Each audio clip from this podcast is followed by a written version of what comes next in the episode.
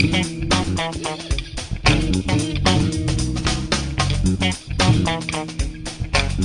you.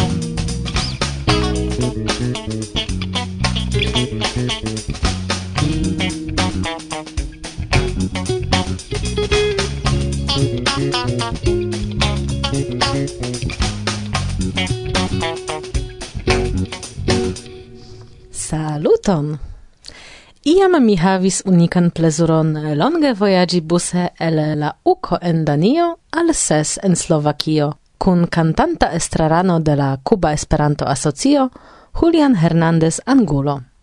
Spuron de tiu aventuro vi trovos en la arkivejo, ĉar la vojaĝon sekvis poste amika mikrofono renkontiĝo kun eta koncerto por aŭskultantoj de Varsovia Vento. Tiam longe sonis en miei oreloi ofte cantita ce ciu ocasoi canto Tiel la mondo iras, Kai foie sonas ancau nun. Plei ofte, kiam mi spektas la politicain novajoin, au kiam mi prenas monaton en la manoin. Tiel la mondo iras. Kiel? Hmm. Jen covrilo de la februara el dono de monato quasau ploranta jus electita nova presidanto de Brazilo, Lula, cae granda fraptitolo fanaticula vorsdonado en Brazilo. Fanaticula? Kial? Parte respondon vi trovos en la enconduco. Bonvolu ausculti. En tiu lando okazis ja laste la plei concura baloto en gia historio. Inter la candidatoi estis malpli ol du procentoi. Dum la electo proceso, plurai elementoi intermixigis cae boligis la temperamenton de la brasilanoi. En unu flanco, estis presidanto Jair Bolsonaro, kiu batalis por daure conservi la potenzon cae eviti la riskon esti malliberigita pro la crimoi practicatai dum li estis presidanto, cae en la alia flanco estis Lula, ex malliberigito, kiu assertis sian honestecon kai vidis la reaciron de la potenco kai manieron por glore triumfi post la, lauli, maljusta. Hmm. Tamen en la enconduco, mancas klarigo, crome mencio pri procenta diferenco, kia la lavoĉdonado estis fanaticula. La articolo gvidos vindo laŭ temoj ĉirkaŭ futbalo kaj politico tra malpaca etoso gis concludo pri neniu spaco por dialogo. Sur la covrilo oni trovas anoncoin ancau de aliai articoloi. Leteroi el Moskvo, Kataro ruĝa karto, bronza mano prilumas la praeŭskan lingvon. Sed ene mi trovis multe pli, ne nur pri politiko. Ekzemple, mia samlandano Michała Benda, situanta en Egiptio, kion fakte mi malkovris ce la fino de legado, priskribas tre interesan historion, ne tute mortis la antiqua egipta lingvo. Auscultu. La egipta lingvo, antau jarcentoj malaperinta, apartenas al la Afrik-Azia lingvaro, enkadre de kiu gi representas apartan branchon, kie gi estas la sola membro. Tio signifas, ke malgrau la longa tempa distanzo inter ili, la egipta lingvo ja rilatas al la araba kiu estas la nuna oficiala lingvo en Egiptio. Kvankam ilia parenteco estas tre malproksima kaj apenaŭ travidebla. La historio de la egipta lingvo estas vastega. Gi ekas per la plej malnova lingvo de la 32 jarcento antaŭ Kristo, kiun sekvis la klasika mezegipta de la deknaŭa jarcento antaŭ Kristo, sia vice antaŭ ulo de la nov-egipta cae de la copta, kiu definitive malaperis kiel vivanta lingvo en la dectria iarcento post Cristo. Ne, ne, ne legos mi cion, la articolo trolongas. Tamen, se la temo captas anca uvin, clopodu aciri la februaran eldonon de monato. Certe ancora eblas, quancam aperis iam la Marta, pri kio mi scias, quancam Irek zorge casas gin antau mi, gis ciam mi ne finos priparolon de la februara. Ne, ne, la redaktoro de Monato menciis, ke mi prifajfu vin, kiam per oculoi vi montras al mi la horlogion. Pardonu, Irek, antau mi ankoraŭ interesai interesaj temoj. Oh, Ekzemple, kvazaŭ uno post la alia – Bronza mano prilomas la praeuskan lingvon. Albert Claret el Catalunio prezentas sekvan tre interesan kaj verdire nekonatan pli frue al mi historion. Li skribas: La estinteco de la euska ne estas tute klara, kaj lingvistoj konsideras ĝin antaŭ hind Europa izolita lingvo, sen rilato al iu hodiaŭa lingvofamilio. Oni eĉ ne scias certece, che gi au gia praulo estis parolata dum la antiquezo, char el tiu epoco estas malmultaj scribajoi kiu helpas tion scii. Tiu ci situazio tamen shaine exchangigis cause de fresha archeologia trovajo fare de la Euska Scienza Societo Aranzadi, La malkovro okazis en 2021, sed disconigis en novembro 2022. Dum esplorado de Monto Irulegi, ce la valo de Aranguren apud la urbo Pamplono en Navaro, hispan stata Euskio, la sciencistoj malkovris ion nekutiman kaj ege mirindan. Manforman bronzan lameneton datigiantan de la unua jarcento antau Cristo. Sur gia surfaco trovigas gravuritai inscriboi kiuj formas kvar linioin la loka varianto de la ibera skribsistemo.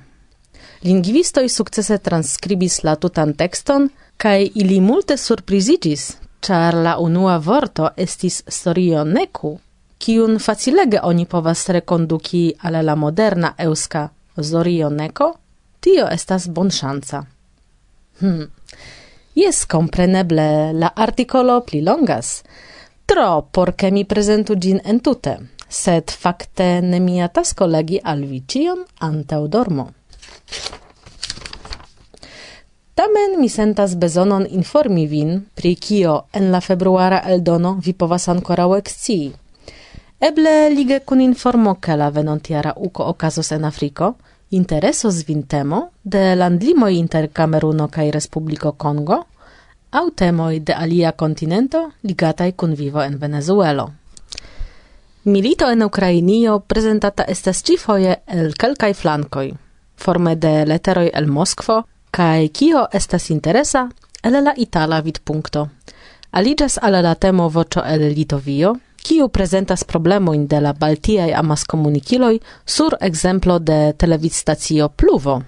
Ciu inicias ke en Latvio kai Litovio lodas relative multe da rusoj kaj ĝuste mem eksciu pri kio temas. Same kiel pri armenaj skribiloj kun semoj aŭ ruĝa karto de Kataro, kiu rilatas kompreneble al futbalo. Interesaj evidentiĝis ankaŭ artikoloj rilataj al ŝanĝoj de klimato, pri marbordaj inundoj kaj eventualaj solvoj aŭ la novaj teknologie sun paneloj. Iom sensacia estas turno de atento pri zebrofishoj, kun demando, ĉu ili kuracas neurologiajn malsanojn? Hmm. Ne pri ĉio mi menciis, ne ofendiĝu kara redakciano, ke vi ne aŭdis pri via artikolo, tamen sciu, ke la tutan revuon mi legis ekde komenco ĝis fino. Do ankaŭ vian artikolon, kaj se jam temas pri fino, Mi ŝatus ankoraŭ mencii pri vitaminoj, kiuj gravas por la homa organismo, kion trafe priskribas Kristina Casella el Italio. Auscultu fragmente.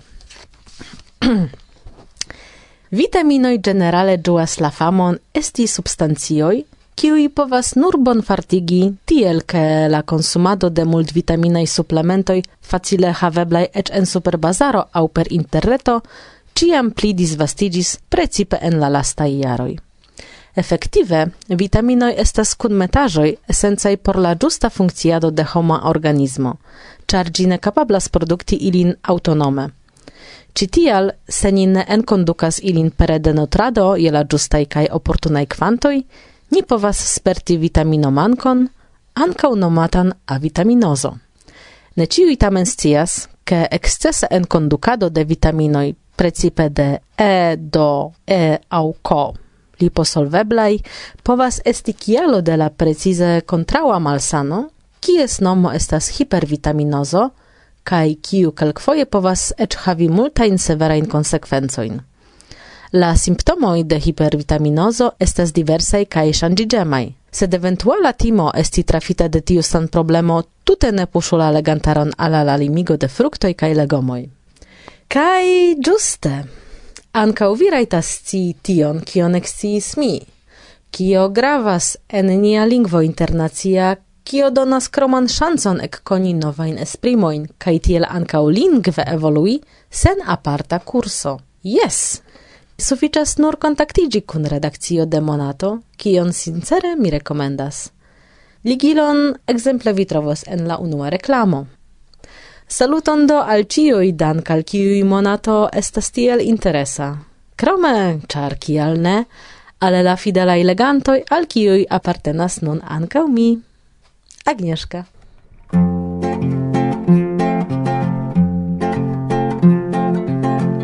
Lundo, mercredo, sabato, mardo, jaudo, cae y en milito, jen la pazzo, jen infano cum malsato, la misiloi presca falas, la colombo i mal consentas, estas tiel, estas tiel. Jen virino que unesidas, char laboro ĉiam estas, la patro que une alvenas, char la poĉo estas malplena. Tion da y qui construas, kai la lia i qui detruas, estas tiel, estas tiel. la mondo iras tiel la mondo iras tiel la mondo iras tiel la mondo.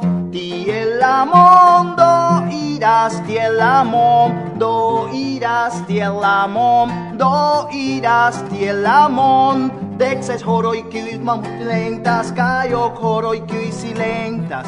Multai homoi qui rapida llama lia tago venas ni profitu la momenton, cha la vivo ne atendas, estas tiel, estas tiel. Lundo, mercredo, sabato, mardo, jaudo jaŭdo mancho y en milito, jen la pazzo y en infano cum malsato. La misiloj presca falas, la colombo y mal consentas estas tiel, estas tiel. tiel la mondo iras, tiel la mondo iras, tiel la mondo iras, tiel la mondo, tiel la mondo iras, tiel la mondo iras, tiel la mondo iras, tiel la mondo iras por mi, iras por vi. Iras por ci, iras por li, nadie el la mundo irás por mí, irás por mí. Irás por chi, irás por li, ti el la mundo, ti en la mundo, irás, ti en la mundo, irás, ti en la mundo, irás, ti la mundo. Tiel la mondo iras, tiel la mondo iras, tiel la mondo iras, tiel la mondo iras.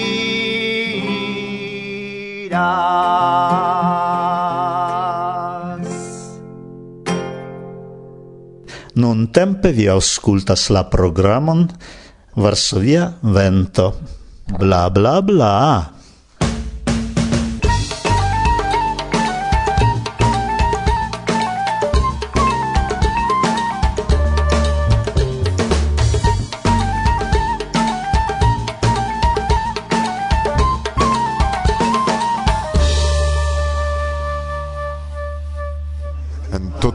Tute naturai circunstancoi de esperantista evento ci foje en Prago. Anta mikrofono de Varsovia vento Saluton, mi estas Miroslav Malovec el Brno, kaj mi estas vendisto de elektronikaj partoj. Saluton, mi estas Karel Otoček el Štětí, Malgranda Urbo, Norde de Prago. Tiu homo antaŭ mikrofono hm, estas hazarde, ĉar mi subite dum tiu ĉi Praga evento malkovris, ke ili okupiĝas pri vortaroj kaj serioze, ne nur hobie pri kiu vortaro ni parolas? No, uh, antaŭ sesdek jarojn mi havis nur malgrandan vortaron, poŝvortaron de Erdo Vermada, kiu eldonis uh, ŝtata pedagogia eldonejo, eble kvin foje kaj poste sinjoro Herschel el Brno venis kun ideo ke ni povus prepari pli grandan vortaron. Telefonis al la eldonejo oni konsentis ke ĝi povas esti kvarobe pli grandan oni eklaboris sed ni ne sukcesis tion fari ĝis la jaro okdek. Sep kiam estis centjariĝo de Esperanto eĉ ne ĝis la okdek naŭ kiam falis komunismo kaj poste la edoneo diris ke ili eldonas nur la anglain lerniloin kaj set ne havas liberecon kaj ni povas tion eldonin mem. Do mi enkomputigis la tutan vortaron set mondriĝis che signoro Herŝa ne capablas labori per komputilos alia collego Crafties do la tutan laboron faris ne du. No kai eldonis tion. Kavapeh char aliai eldonistoi diris che la preso estus trioble pri granda. En la jaro naudek kvin aperis Esperanta ĉeĥa parto kaj en la naudek uh, eh, oka aperis la ĉeĥa Esperanta parto. En la jaro 2014 kiam jam kaj sinero Herschel kaj sinero Kraft estis mortai, Petro Hrdle petis min, ke mi preparu novan eldonon de Esperanta ĉeĥa versio, kaj mi konsentis nur sub kondiĉo, ke mi povas enmeti preskaŭ ĉiun vortojn, kiu estas en PIF. Ĉar mi volis, ke al la ĉeĥa esperantistaro finfine venu la tuta vortprovizo de Esperanto, ne nur parto kiel ĝis nun. Li konsentis, Do mi uh, unue rekonstruis la abortaron el la jaro naŭdek kvin kaj komencis ĝin. Unue mi aldonis al, jam envicigitajn ili en derivajo Ni havis ciam nur du tri derivaĵoj kiel montrajon sed nun mi aldonis preskaŭ ĉiujn kiun estis en PIF, ofte eĉ pli multajn. Poste mi enmetis vortoin, kiu tute ne estis en la vortaro kai serĉis iliain tradukojn al la ĉeĥa lingvo. Mi havis kontrolantojn Karel Votecek, kai inĝeniero Zdeněk Pluhaš li faris tre fundan kontrolon kai ofte li diris ke ĉi ne estas bone tradukita proponis pli bonan tradukon aŭ li diris eĉ li mem ne scias kiel bone traduki kaj diras prefere forigu tion ĉar estas pli bone ne uzi la vorton ol traduki ĝin malbone compreneble laboro estis tre longa daura Tri aro mi laboris do eh, por che mi trompu mean pigrecon mi laboris eh, de play facilai aferoi al mal play facilai Do ĉiu eh, litero habis propran dosieron kai do mi vidis ke kiu litero havis eble dek paĝojn kaj aliaj sesdek. Do mi unue faris tiun malongain metis ilin en dosiero kiu mi nomis preta kaj mi vidis kiel rapide plenigis tiu preta kaj malpleniĝis tiu ne preta. Es, do tia manire mi sukcesis trompi min mem kaj pro tio mi faris la laboron. Kiam ĝi estis farita kaj eldonita, Petra petis min ke mi la samon faru pri ĉeĥa Esperanta parto denove ni eklaboris, denove mi faris unu opain eh, literoin, de nove mi comencis de la plei facilae, set eh, citie mi ne multe aldonis, char ciam ni en la jaro naudec ok faris tiun laboron, ni tre rapidis, ni bezonis eh, successi ĝis certa dato, ca estis multe eraroi, yes? do ni nun concentrigis pri correcto de la eraroi ni enmetis ancau eble mil novain vortoin che ucitie ne estis ca de nove tion controlis miei controlantoi ec uh, eh, Josefo Horvat el Hungario kaj ciare che mi estis en eh, uh, IFF conferenzo en uh, Beroun tie venis Petro kai mi tie transdonis la lastain korektojn de la vortaro kai post unu monato gi aperis vorto post vorto. Tasko ne estas facila de la unua flanko de la dua oni devas vere koncentriĝi porque ne erari kai vi occupigis pri trarigardo ĉu estas eraroj? Uh, eh, mi eh, uh, fakte nur kontrolis la vortaron, do mi ne aldonis novajn vortojn, nur uh, proponis kelkajn vortojn por aldoni kiuj ŝajnis al mi necesaj. Tamen kiam temis ekzemple pri fi vortoj, tiu estis malakceptitaj. Emi. Do mi fakte kontrolis kaj eh, kial malakceptitaj. Tio estas tre interesa, ĉar fi vorto estas ĉiutaga vortaro. Maldecaj vortoj estis malakceptitaj fare de Mirek. Ah. Mi memoras, povas esti mi opinis se devas esti ciui vortoi, do vere ciui. Fakte mi poste kontrolis la eh, verboin, ciu ili estis transitivai au netransitivai. No, tio estas ciomeo laboro longe dauris proxime unu jaro ciam Mirek eh, sendis al mi elektronike unu literon kaj kelkaj literoj estis facile, kelkaj estis longaj, tio pli longe dauris Kion vi havas kontraŭ blasfemoj, ĉar eh, fakte tiu maldecaj vortoj estas parto de la vivo, homa vivo. No, kelkajn ni lasis, sed um, Mi ne memoras ke ĉu mi tion forĵetis, ĉu eble ne protestis aliaj kontrolantoj, jes, mi ne estas certa, jes, sed mi povus diri ankoraŭ ion alian, ke eh, mi ne estas pacienca, sed mi havis ambicion tion fari, ĉar mi kredas ke se ni volas ke la ekstera mondo prenu Esperanton serioze, ne kiel iun lingvan ludilon, ke ni bezonas tiajn vortarojn. Kaj ni havis du eblojn, aŭ verki manifeston che oni faru tiun laboron au fari gin mem. Kai mi decidis che mi mem gin faros. En okdeka jaro existis clubo de blasfemistoj kai la presidente de la clubo nomigis Imre Kutosz kutos, eh, do oni scias ke so en la hungara lingvo oni prononcas alie en la pola lingvo kutas signifas kaco, do tiam ciam polo estis tre entuziasma ke ni havu prezidanton de klubo de blasfemistoj kaj ili ankaŭ laboris pri vortaro. Do pro tio mi diris kion vi havas kontraŭ? Mirek ĉu se denove vi ricevus taskon pri labori vortaron ekde komenco ĝis fino ĉu vi estus preta preni sur vin tiun taskon. No, mi opinias, ke jes, kaj, no, ĉar mi daŭrigas, ĉar mi ne estas kontenta kun la rezulto, ĉar nin fakte ne, ne multe larĝigis tiun vortaron, ni nur correctis tio kio ostis farita antau dudek jaroj. Kaj nun mi klopodas tion largigi, es, do mi havas anko kolektas multajn de aliajn materialojn kaj vortarojn, terminarojn kaj tiel plu, dos mi senĉese okupiĝas pri tio. Yes? Ĉu estas bezonataj vortaroj en la vivo de esperantistoj tiuj paperaj, se oni povas eniri en la reto kaj serĉi vortojn facile? Jes, tiuj vortaroj elektronikaj povas malaperi el la reto kaj ni bezonas ke ili estu conservitae ce naziae bibliotecoe, scienzae bibliotecoe, che oni, eh, che estus mh, pruvo che esperantistoi seriose prilaboras sian lingvon, char se ni ne montros seriosezon mem, do poste oni ne credos che eh, tio estas seriosa apero. Fakte oni rigardas Esperanton nur kiel iun uh, ludilon kaj aŭ ian uh, lingvan uh, kuriozaĵon aŭ ion similan, jes?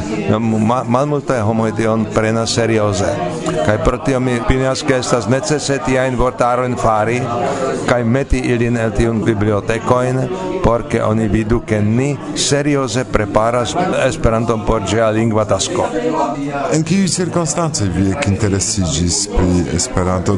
Mi havis dek kvarjarojn en la sesdek oka jaro kaj mi vidis ke aperis angla poŝvortaro. Mi volis ĝin aĉeti kaj samtempe aperis tiu esperanta. Kaj mi estis tre scivola mi aĉetis ambaŭ tie mi trovis esperantan gramatikon. Tiu entuziasmigis min, ĉar ĝi estis tute klara, do dum du horoj mi sciis ĝin, nu, kaj de tiu momento mi fariĝis esperantisto. Sed mi tute ne sciis, ke ekzistas iu organizita Esperanto. Ĉar ne ekzistis kluboj de la angla kaj tiel plu, do mi tute ne pensis, ke povus ekzisti kluboj de Esperanto aŭ Esperantaj asocioj. Do mi trovis unu vendejo de gazetoj, kie oni unu monate vendis al mi polan Esperantisto servisto. Kaj post ala angulo de ĉi tiu vendejo okazis konstitucia kongreso de Ĉeĥa Esperanto-Asocio en marto 69, kaj mi tion tute ne rimarkis, kvankam mi loĝis proksime. Yes? Do sed poste mi legis iun infanan gazeton kaj tie mi trovis ke esperantistoj havas asocion en Prago, Blanicka strato, do mi skribis tien, ĉu ekzistas iuj libroj kaj gazetoj krom tiu pola Esperanto esperantisto kaj mi estis surprizita ke respondis al mi ĝuste tiu sinjoro Herschel pri kiu mi parolis. Invitis min al la klubo, mi venis tien, enrigardis, estis tie kelkaj maljunuloj, do mi volis forkuri, se tiu plej maljuna min kaptis sur la ŝtuparo, mi komencis balbuti, ke min invitis sinjoro Herschel, do li da venu, venu ni, oni poste pruntadis al mi librojn, kaj tiamaniere mi fariĝis esperantisto. Greifi Uh, mi en infanaĝo hazarde trovis malnovan revuon kie estis kurso de Esperanto, do tiam mi eksciis pri la lingvo, kiu ekplaĉis al mi, sed bedaŭrinde ne eblis lerni, ĉar mi vidis nur la revuon. Kaj poste kiam mi soldat servis hazarde en Trinkejo, kiam ni kun aliaj soldat servoj kaj eĉ lokuloj ni sidis kaj drinkis kaj hazarde venis la ideo pri Esperanto kaj unu lokulo diris no mi havas hejme la lernilon. Do mi postulis deli keli pruntu gin almi restis kvar monatoj gis fino de mia soldat servo. Do dum tiuj kvar monatoj mi sciis ke devas mem lerni la Esperanton kaj sukcesis. Ankoraŭ lasta parto de nia mikrofona renkontiĝo. Tempo por vi simple. Nu, bone, no, mi salutas ciun, kiu konas min, au volas, kai eh, volas usi mian vortaron, sed ne nur vortaron. Tio nur estas parto de mia laboro. Mi estas jam pli ol 30 jaroin redaktoro de Starto, kaj mi ciferecigas Esperanta literaturon. ne mi havas 2000 aŭ mil verkojn en mia komputilo. Jes, am ciferigitaj. Do eh, estas tiu vortaro estas nur fakte unu produkto kroma jes de tiu mia kompleta laboro en Esperanto. Atingeblas en la reto? No, se ne estas problemo ko aŭtoraj rajtoj jes, sed uh, plej ofte estas, char estas problemo kun uh, la origina autoro. Do mi uh, tion faras por la stokejo de Esperanto de nia asocio, porque ĝi estu preparita por estonto jes kiam oni volas uh, tion publikigi. Kaj via mesaĝo por la mondo kaj salutoj? Eh, mi salutas ĉiujn homojn de bona volo, lernu Esperanton kaj eh, partoprenu Esperantajn eh, renkontiĝojn por ke vivu nia kara lingvo. Sed mi scias kion ni faru, ĉar sur tabloj aperis manĝaĵo, do bonan apetiton karaj al vi kaj al ĉiuj niaj aŭskultantoj. Ni sendas salutojn el Prago, ĉu? Do jes. Do dankon pro la mikrofona renkontiĝo. Ne reclamo, sed rimarko.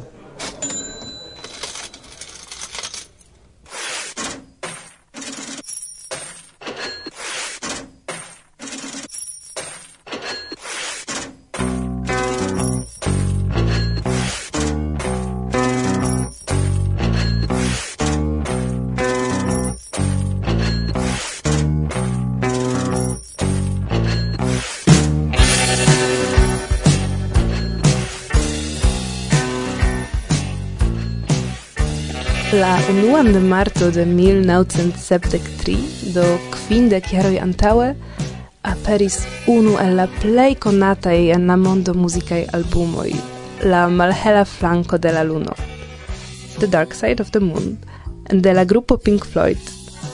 Yes, la rimarco neniel rilatas al Esperanto, sed certe rilatas al multai el ni. Ja gi ne nur influis, sed ancau kun creis la musican culturon de nia civilizo. Imagu che assertita vendo de la albumo estas quardec quin milionoj de copioi. Igante gin, la kvara plei bone vendata albumo de ciui tempoi. Pro gi, antau la fino de la eldoniaro, la membroi de Pink Floyd igis mult milionuloi. Mm, the Dark Side of the Moon. Nekredeble, ke tiu albumo quasau ne maliunigis. Auscultu gin, rememore, dum libera tempo. Trovi gin nun estes mil oble pli facile ol iam ein. Sufiĉas en iri la reton.